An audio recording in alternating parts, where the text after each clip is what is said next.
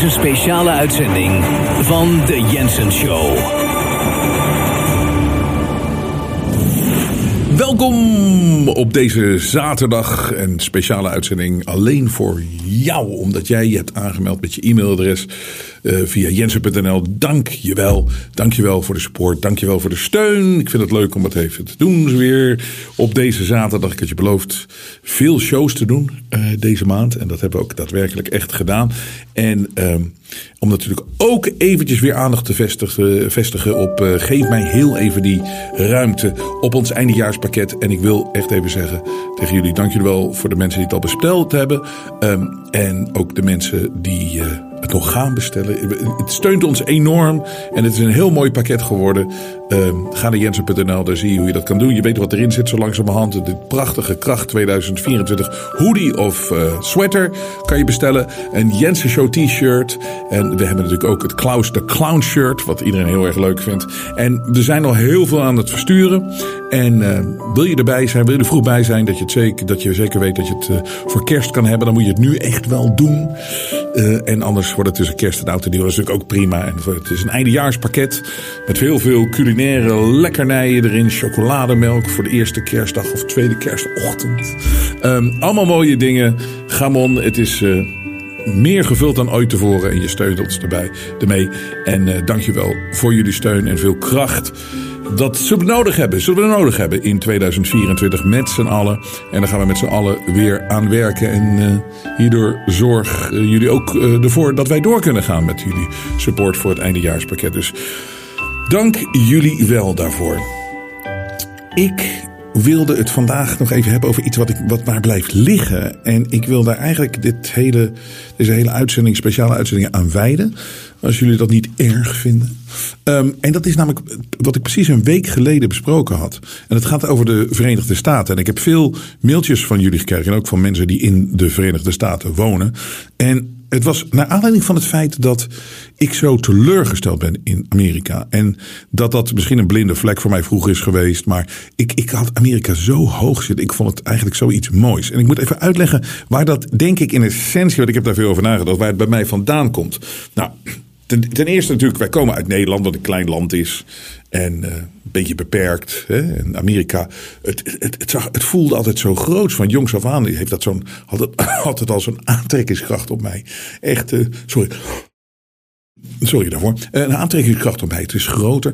Wat er ook bij komt kijken is dat ik um, was geïnteresseerd in de media, in radio. Ik wilde op de radio discjockey worden. Dat was het mooiste wat er is. En we hadden toen hele slechte, middelmatige Nederlandse radio. Het was alleen maar publieke zenders. Je had wel wat piraten, wat illegale radiozenders. En Amerika had natuurlijk al een heel, heel erg ontwikkelde radiomarkt. Heel professioneel. En het was lichtjaren, liep het voor op Nederland. Dus als ik wel eens wat hoorde uit Amerika, het klonk zo groot, het klonk zo professioneel, het klonk zo geweldig. Dus als radio, kijk, radio is ook het theater van de fantasie. Hè? Dus uiteindelijk, nu heb je er beeld bij, maar heel veel mensen zijn nu ook aan het luisteren. En dan speel je ook eigenlijk gewoon met, hè, met mensen, je probeert een beeld te creëren in de hoofden van mensen. En dat kan niet iedereen, maar dat is in essentie wat radio is. En het beeld wat ik van Amerika wat was, het was, het was zo groot. En ook wat je dan met, op tv zag. En natuurlijk de Hollywood films. Het was allemaal larger than life. Het was groter. Nou, als je dan op een gegeven moment voor het eerst een keer uh, naar, daar naartoe gaat. Dan, ik weet nog de eerste keer dat ik in New York rondliep. Het was zo overweldigend. Het was zo geweldig. Ik was met een vriend van mij toen. Ik was 16 of zo. En het, ja, ik vond het geweldig. En ik, ik, heb die hele uh, vakantie voor die vriend van mij verpest. Want ik liep altijd maar met een koptelefoon op naar, naar de radio te luisteren. En dat was zoveel beter wat er in Nederland was. En, dus ik ben daar heel erg door beïnvloed. En je, voelt, je voelde natuurlijk ook wel dat het een beetje een machtscentrum was. En dat, dat was ook aantrekkelijk als je uit Nederland komt. En veel creativiteit toen de tijd. Um, en ik ben dat gaan, ja, als het ware gaan zien als een soort van ideale wereld, ideale uh, maatschappij, ideale. Um, het, weet je, if you can make it there, you can make it anywhere. Het, ik ben daar helemaal ingezogen en ingetrapt een tijd. Nou, nou naarmate je de jaren, jaren vorderden, bedoel, ga je het wel iets anders zien. En zie je ook wel de andere kanten daarvan. Maar het bleef altijd nog wel die hoop dat daar het nou eens een keer gelukt is. Dat, hè, dat in Amerika, dat dat met veel vrijheid, wat roepen ze ook allemaal zelf, hè, weet je, the land of the free. Dat het daar, daar echt gebeurt. Die, die soort van kolkende, uh, samen komen van zoveel dingen. Creativiteit, uh, getalenteerde mensen, geld, uh, bla bla bla. Ook, ook het land zelf is mooi, omdat het zo groot is. Het heeft allemaal verschillende kanten. In Florida waan je alsof, alsof, alsof je in de, de Caribbean bent. En in... Uh, uh, in Montana is het uh, prachtig mooi met, bergen. En, en, Colorado is weer skiën. En Californië heeft weer zijn eigen ding. En Hollywood zag er altijd op films altijd zo fantastisch uit. Maar laten we heel eerlijk zijn. Uh, Los Angeles is gewoon Detroit met palm trees. Met palmbomen. maar in ieder geval, het, het, het, het, was een creatief land. Het, speelde tot, het, sprak mij tot verbeelding. ik had er iets mee. Nou... Gaan we even heel veel jaren verder nu. En ik heb veel tijd in Amerika besteed. En, en wat er vorige week gebeurde. Um, dat heeft gewoon bij mij de deksel erop gedaan. Het is gewoon wat je nu weet waar de kracht in de wereld ligt, waar de griezels uh, vanuit opereren, uh, dan is dat voor een groot deel Amerika. Ze gebruiken Amerika natuurlijk om de hele wereld over te nemen. En dat is ze zo waar bijna helemaal gelukt. Want vergeet niet dat China en Amerika veel betere contacten met elkaar hebben dan dat wij denken. En dit is een van de moeilijkste dingen die ik altijd, uh, moet uitleggen aan mensen. Dat, want die zien dat niet. Die zien China, China het grote gevaar, want dat wordt in de media zo gespeeld. En dan heb je Amerika. Maar als je nou nadenkt over al die essentiële businesses en essentiële grondstoffen die ooit gewoon in Amerika allemaal, wat allemaal plaatsvond en wat, wat, wat, daar allemaal gebeurde, dat is allemaal naar China overgegaan. Weet je, ik heb uh, die documentaire Jens kiest voor Amerika ooit gemaakt. En toen kwam je in, dus in Ohio, toen, uh, uh, ja, Ohio en West Virginia. En dan zag je er gewoon die, die, die steel mines en die, en die coals en de coal mines en alles. Het is gewoon gesloten. En dan vraag je waar is dan naartoe gegaan? Is het naar China gegaan? Ja, kijk, dat kan niet zomaar van de een of de andere dag plaatsvinden dat, een land dat doet. Dat betekent dus gewoon dat ze samen, als het ware, daar uh, besloten hebben om dat te doen. Of hè, dat Amerika dat heeft laten gebeuren. En dat weten we nu ook, dat die griezels zitten er zo diep in. Dat is het plan. Amerika moet nu naar beneden, want je kan niet een één heel sterk land hebben, een supermacht. Want dan kan je nooit een globale wereld hebben. Want dan, dan loopt het te veel balans. Dus Amerika moet nu down. Wij in het Westen moeten ook nu down. Wij moeten naar beneden. Want wij hebben het allemaal nog te goed. Het is veel makkelijker om te heersen over mensen die het slechter hebben. dan over één land die bijvoorbeeld super goed gaat en, en super sterk is. Dus dat moet verzwakt worden. Dat kan je op allerlei manieren doen. Met allemaal uh, color revolutions, met immigratie, met noem het maar op. Er zijn zoveel dingen met financieel, mensen financieel aan de grond krijgen. Daar, eh, daar, daar in die periode zitten we gewoon. En Amerika, dat zie je gewoon heel erg gebeuren. Dat is gewoon de meeste steden zijn inmiddels gewoon derde wereldlanden. En al die zwervers op straat, dat was altijd al een probleem. Maar dat is alleen maar voor honderd en verduizendvoudigd alleen al de afgelopen tien jaar. Dus je zag wel die maatschappij een beetje zo in elkaar storten. En, en, maar met wat er gebeurde tijdens die resolutie van, uh, van de Verenigde Naties. Dat alle landen, alle partijen, die wilden allemaal een staakt het vuren in Israël. En om te gaan onderhandelen en te gaan kijken hoe kunnen we dit stoppen.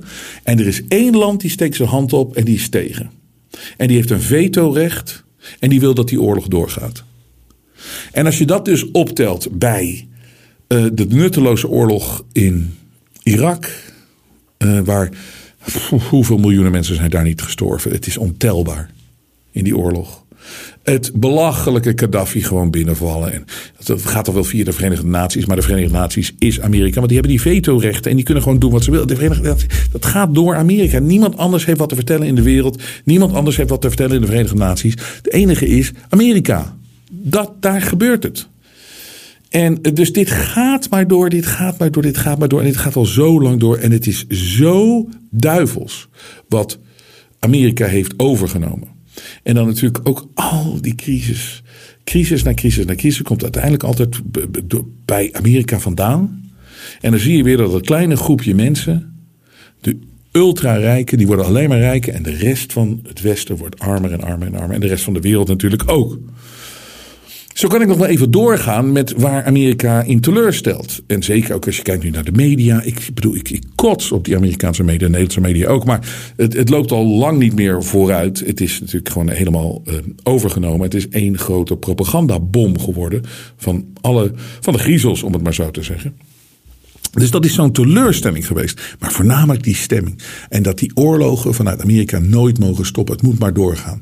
Er moet maar meer geld gaan naar Oekraïne. Het mag nooit stoppen, die oorlog. Oorlog na oorlog na oorlog na oorlog. En ze gedragen zich echt als nazi's. En ik heb een aantal e-mails uh, gekregen van mensen. Weet je, van, heb ik gevraagd van hoe denken jullie daarover? Herkennen jullie je in mijn gevoel?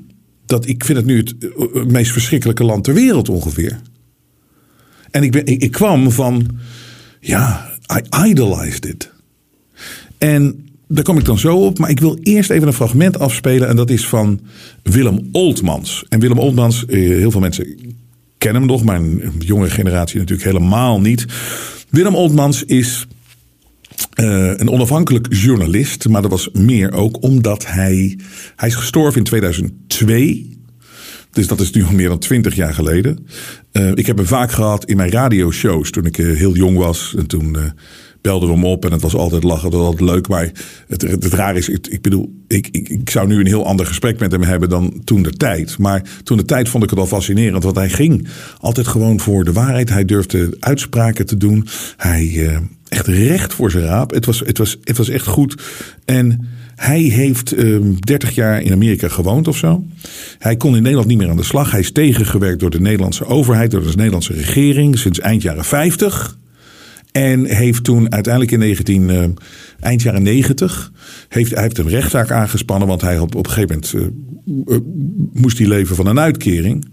En dat heeft hij jaren gedaan op een heel klein flatje.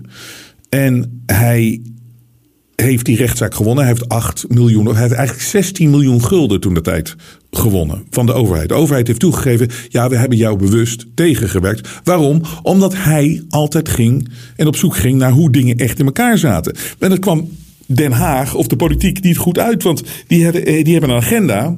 En als die zeggen dat Poetin of Rusland is slecht, ja, dan willen ze niet dat er een of andere journalist naartoe gaat en die naar Rusland gaat. En zegt, nou, weet je, het verhaal zit toch wat anders in elkaar. Of als het is, Bouters is, is, is, een, is een crimineel. Of weet ik, en die gaat naar Suriname en denkt, nou, het zit toch iets anders in elkaar. Daar houden ze niet van. Want we moeten geloven in de propagandalijn. Nou, ze hebben dus moeten toegeven, en dat is natuurlijk heel erg voor de overheid om te doen, dat ze hem tegengewerkt hebben. Maar dat heeft, dat heeft hem 30 jaar van zijn leven gekost om dat te bewijzen. En een van de dingen is ook, is dat hij zei altijd dat hij afgeluisterd werd. Want hij heeft ook onderzoek gedaan naar de moord op John F. Kennedy. Daar weet hij heel veel van af. En hij, Oswald heeft, hem, heeft Kennedy nooit doodgeschoten. En dat is een heel verhaal. Onderzoek het zelf. En nou is er dus vorig jaar, het is afgelopen jaar of misschien het jaar daarvoor, kwam naar buiten. Omdat uh, bij die documenten van het zogenaamd gezellige en leuke en uh, vrijheidsstaat Amerika. komen die documenten van de CIA die komen na 30 of 40 jaar komen die vrij. Dus er kwamen een aantal uh, documenten vrij waarin echt staat dat Oldmans in de jaren 60 en jaren 70 um, en waarschijnlijk daarna ook, want die documenten komen later, gewoon door de CIA altijd gevolgd is geweest. En als hij in Amerika een lezing ergens gaf, dan zat er altijd een CIA-agent in hetzelfde vliegtuig om te luisteren naar wat Oldmans zei. En hij heeft dat jarenlang gezegd, want hij kon zijn vinger er niet echt op leggen. Maar hij wist gewoon dat het zo was. En hij werd altijd uitgelachen door de charlatans van de, van de mainstream media. De Sonja Barens, de, de, de, de Adriaan van Dissen, de, de afgrijzelijke scheidmensen.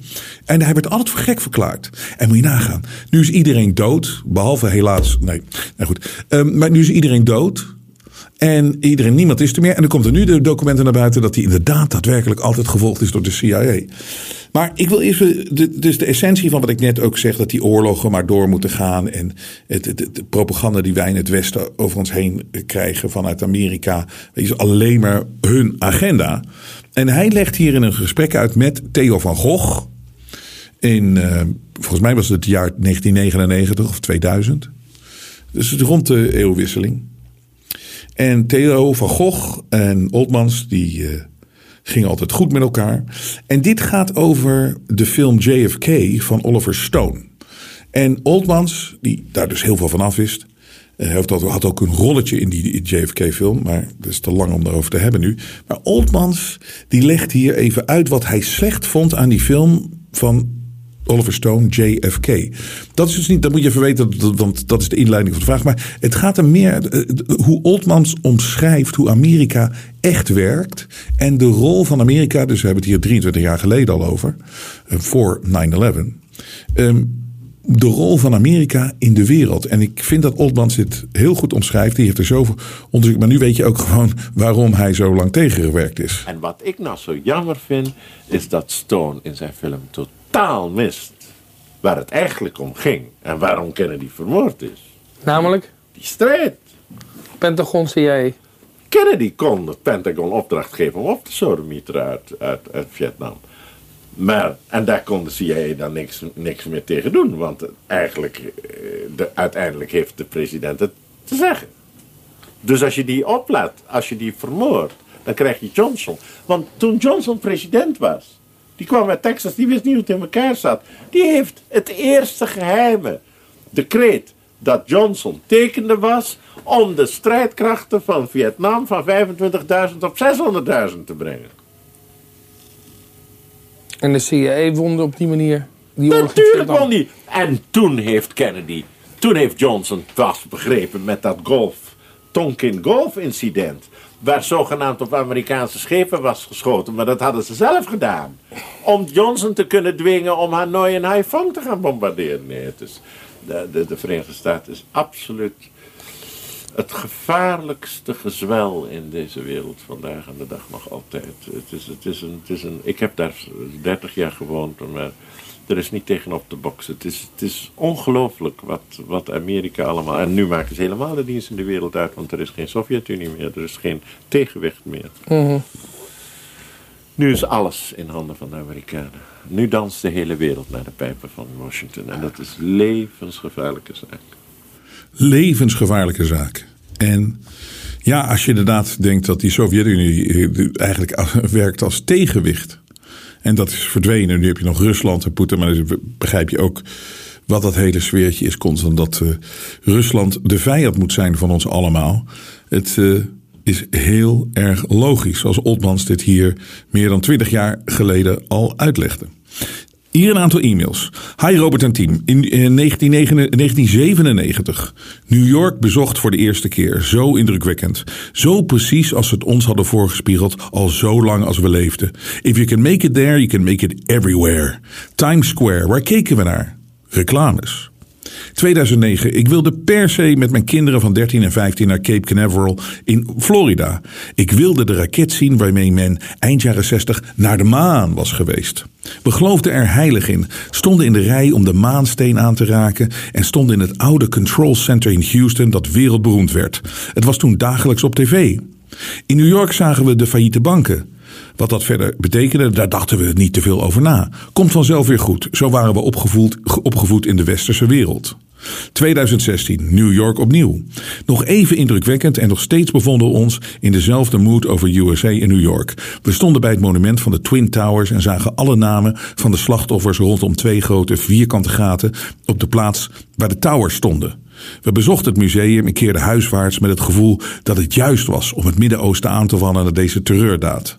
De mainstream media had jarenlang zijn best gedaan. We keken tv en vertrouwden op alles wat we zagen en hoorden. Internet was er ook altijd, maar altijd op de tweede of laatste plaats. Internet was immers niet altijd betrouwbaar. Ook dat heeft lang zo gewerkt. 2019. Wij worden wakker. We volgen jou vanaf de eerste podcast. Trappen er niet in. In de COVID-leugens en lezen veel boeken. Doen onderzoek, vinden gelijkgestemden. En nemen afstand van de schapen in onze omgeving. Leren internet kennen als een veel betrouwbaardere bron dan de mainstream media. Sterker nog, de tv gaat niet meer aan. We kijken alle kanalen die vanaf dat moment opstaan. Communiceren met hen en steunen hen. Je hebt gelijk, Robert. Ons beeld van de USA en hoe de wereld werkelijk is, is gekanteld en zal nooit meer terugkantelen. Laten we dit vasthouden en uitdragen daar waar mogelijk. We steunen je maandelijk. Dit geluid is zo belangrijk. Mensen die nu wakker beginnen te worden, kun je heel gemakkelijk een overzicht geven. Jij hebt het ook al eens gezegd. Klimaat, aliens en gezondheid zijn thema's waar je de hele wereld angst mee kunt aanpraten. Woke, internet, immigratie, LHBTQ, excuus voor het verleden, oorlogen, water en digitaal geld zijn zaken die voor chaos en verwarring zorgen. Alles is in gang gezet door het World Economic Forum en de World Health Organization onder toezicht van de VN. Zo simpel is het. Doei. Controle en een wereldregering. Liefst vanaf 2030. Maar het gaat ze nooit meer lukken, dat is zeker. Er zijn meer mensen wakker geworden. Warme groet Jaap en Monique. Prachtig geschreven en sluit aan bij hoe ik me voel. Hoi Robert, je vertolkte echt mijn gevoelens over de USA. Zelf zag ik Amerika altijd als de beschermer van het recht, democratie, vrijheid, etc. De broodnodige politieagent in een boze wereld waarop je kon vertrouwen. Toen ben ik eens wat dieper gaan graven en stuitte op de vele militaire interventies, staatsgrepen, moorden en leugens om dit alles te rechtvaardigen. En kwam erachter dat Amerika juist het kwaad in de wereld is met onmetelijk veel doden. Lijden en chaos op zijn geweten. Alleen voor eigen gewin. Voor mij was dit na mijn rotsvaste overtuiging van het rechtvaardige Amerika een echte shock. Het voelde als verraad. Alsof mijn vertrouwen was beschaamd. Ben een trouwe luisteraar. Ga vooral door en bedankt voor je enorme inzet. Groeten Bas Wouters. Bas, dat, dit, is mooie zinnen. Dat, het is een schok. Het voelt als verraad. Vertrouwen beschaamd. En dat, ik, ik ik omschrijf het ook als echt gewoon alsof mijn hart gebroken is. Hè? Die pijn om daarachter te komen dat het zo is. Je uitzending fleurde zojuist mijn zondag op en ik wil heel graag reageren omdat ik van, van eh, mijn 64 jaar precies de helft in de Verenigde Staten heb gewoond.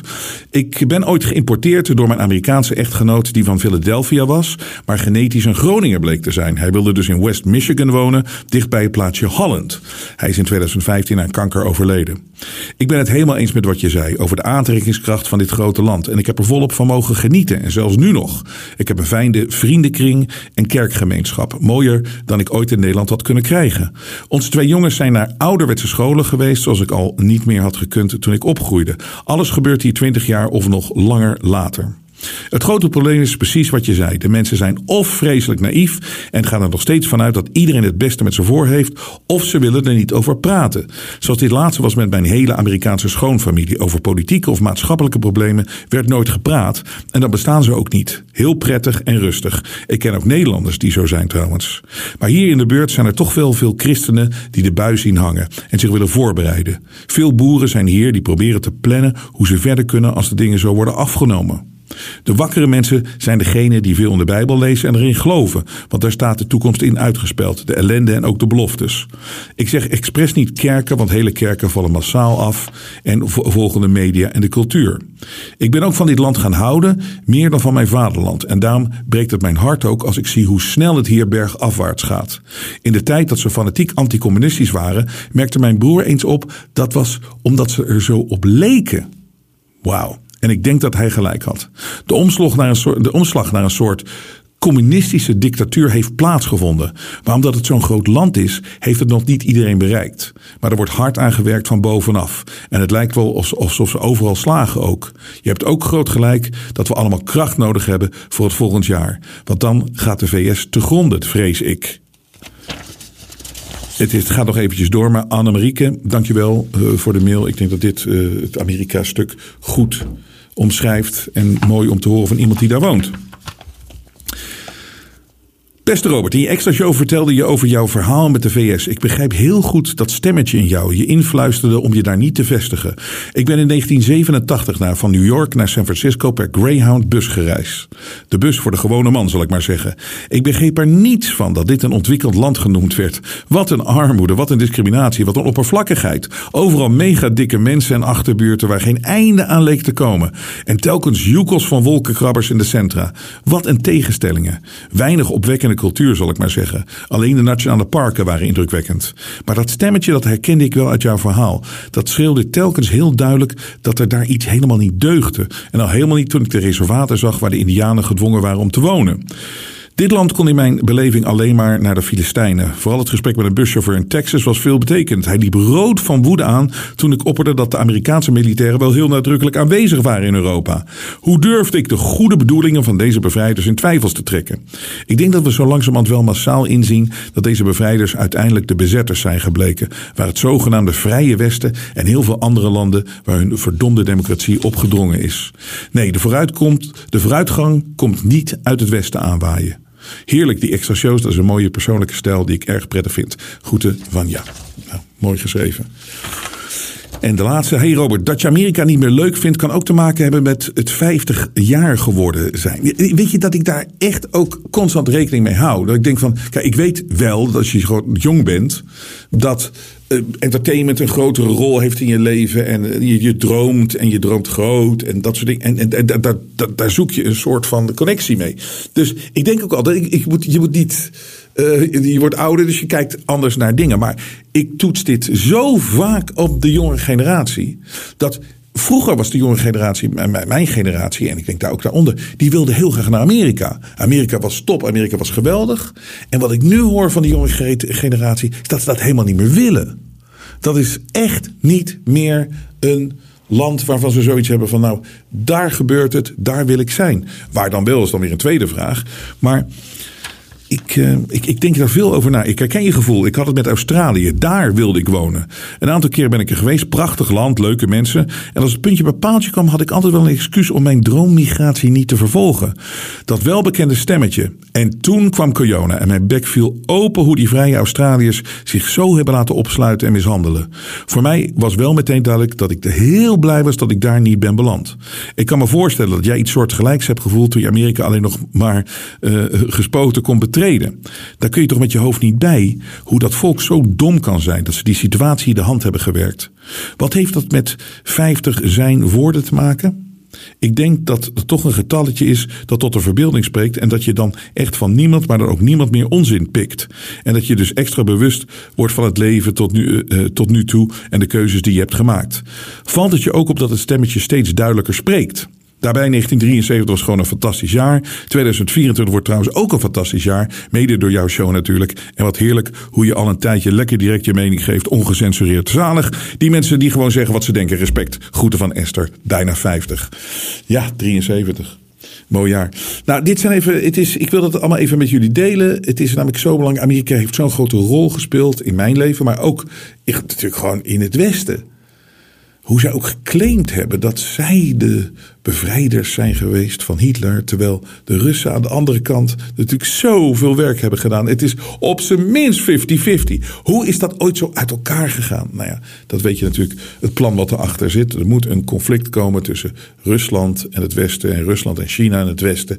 En daar zouden wij niet goed uit moeten komen volgens de plannen. En dat zie je nu gewoon echt letterlijk om je heen gebeuren in real time.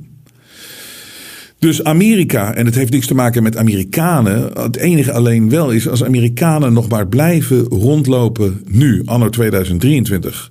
In zo'n roes van America the greatest en uh, we kill them jabs en bla bla bla bla bla bla. Dan ben je net zo erg als Duitsers die roepen: Ik heb es niet gewoest, die allemaal maar meeliepen. Want je moet zien dat wat er nu aan de gang is in Amerika, het is gewoon van een knijter en knijtergek en een tyrannisch niveau. Het is niet te geloven. 2024 wordt ook in Amerika wordt een heel interessant, nou niet interessant, het wordt een heel belangrijk jaar. En we zullen veel dingen daar veranderen en we zullen zien wat er gaat gebeuren. Is het inderdaad zoals de mailschrijfster zei dat Amerika zal vallen volgend jaar? Of komen ze toch weer terug? Er is ook wel veel kracht in Amerika. Hè? Er zijn heel veel krachtige mensen. Staan die op? Sommigen zijn al opgestaan. Het moeten er meer worden. Het moeten er meer worden. En het is eigenlijk hun verantwoording en verantwoordelijkheid dat ze dat doen. Want zij hebben dit allemaal aangericht. Amerika heeft het allemaal aangericht in de wereld. En nou moet het intern moet daar een revolutie komen. Dat kan niet anders. Dat kan niet anders. Ik wilde het even delen. Dank jullie wel. Dank jullie wel voor jullie support, voor jullie steun. Nogmaals, 2024. bereid je voor. Maar we kunnen het aan. We kunnen het aan. Want We hebben voor 2024 genoeg kracht.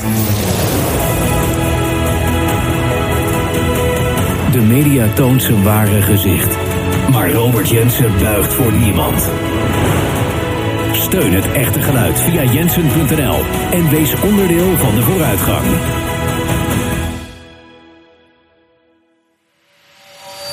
Jij doet dit alleen maar om geld te verdienen. Weet je dat met COVID, met Ukraine, dat we alleen maar steun verloren hebben?